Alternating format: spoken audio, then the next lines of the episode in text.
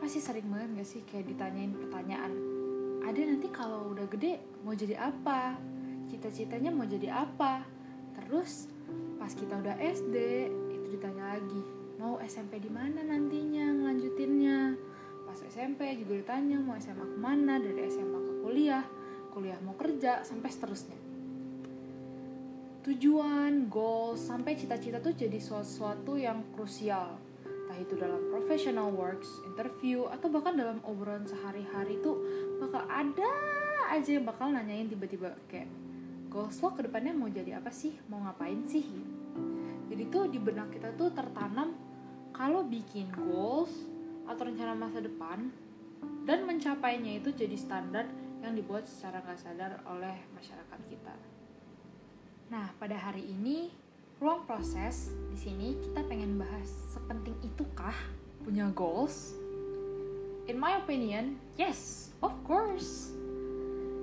Banyak banget benefit yang bisa kita dapetin dengan punya goals. Yang pertama tuh bikin hidup jadi terarah. Terus juga kita jadi tahu apa yang harus kita lakuin. Atau bahkan kayak setidaknya tuh dengan punya goals tuh kita tahu kayak bangun tidur tuh mau ngapain. Kayak kalau misalnya kita nggak punya goals ya kemungkinan kita bakal wasting the time of the day kayak cuma rebahan, tidur, scrolling sosial media. Nah, punya goals tuh penting. Nih misalnya kayak gini. Misalnya Sasa uh, punya goals ke depannya tuh pengen menang lomba A atau Sasa tuh pengen masuk ke PTN B ini. Dengan adanya goals itu Sasa tuh bakal nyari tahu apa aja sih yang harus Sasa lakuin untuk mencapai hal tersebut.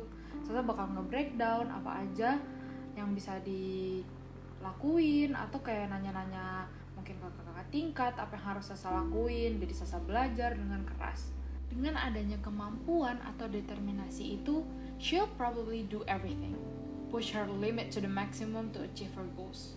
Mungkin yang kayak awalnya si Sasa ini ngabisin waktu untuk main, hangout, scroll sosial media sampai berjam-jam jadinya diganti jadi belajar, terus baca buku, dan bahkan explore hal-hal yang baru untuk mencapai impiannya itu.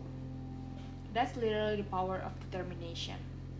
Hingga akhirnya pada hari puncaknya, mungkin tuh hari pengumumannya, entah itu perlombaan, SNMPTN, SBMPTN, atau sebagainya.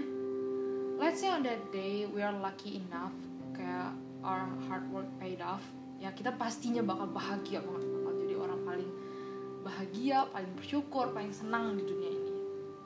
Tapi kalau misalnya kita dapat merah mungkin sebagian dari kita sebagian besar dari kita bakal bakal ngerasain sedih. Kita bakal sedih ngerasa down like our hard work is not paid off.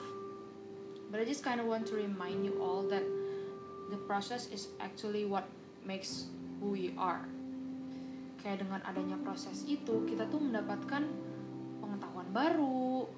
Terus kita juga dapat mungkin behavior baru yang awalnya mungkin habitnya kurang bagus jadi lebih bagus.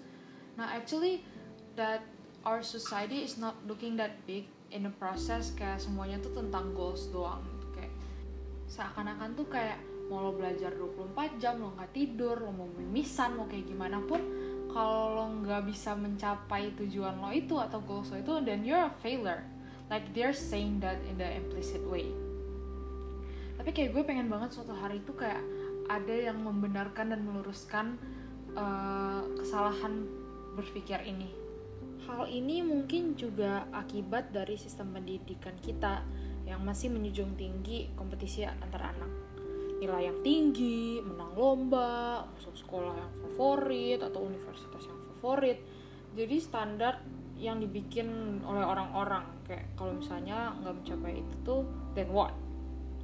Gue sendiri berharap at least orang-orang yang mendengar podcast ruang proses kita bareng-bareng bisa lebih menghargai proses-proses dalam kehidupan yang kita jalani saat ini dalam proses mencapai goals itu banyak banget halangan yang menimpa kita semua kita bisa jadiin semuanya pelajaran dan batu loncatan untuk kita sebagian besar dari kita saat ini mungkin sedang kesulitan entah itu finansial lagi cari kerja lagi mencari universitas, atau bahkan kita lagi mencari jati diri kita sendiri. I want to let you all to know that you are doing great until now. Keren banget, bahkan bisa sampai ke titik sekarang ini tuh udah keren banget. Apresiasi diri kalian sendiri mungkin dengan sekedar memberikan pelukan hangat untuk diri sendiri sambil bilang makasih ya udah berjuang sejauh ini. Terima kasih ya badan terima kasih ya kaki terima kasih ya otak yang masih mau bertahan sampai saat ini. As last remark gue pengen ngingetin teman-teman semua percayalah apa yang membentuk diri kalian saat ini adalah rangkaian proses kehidupan yang berhasil kamu lewati bukan hanya goals yang tercapai tersebut. Sekian dari ruang proses and have a great process everyone.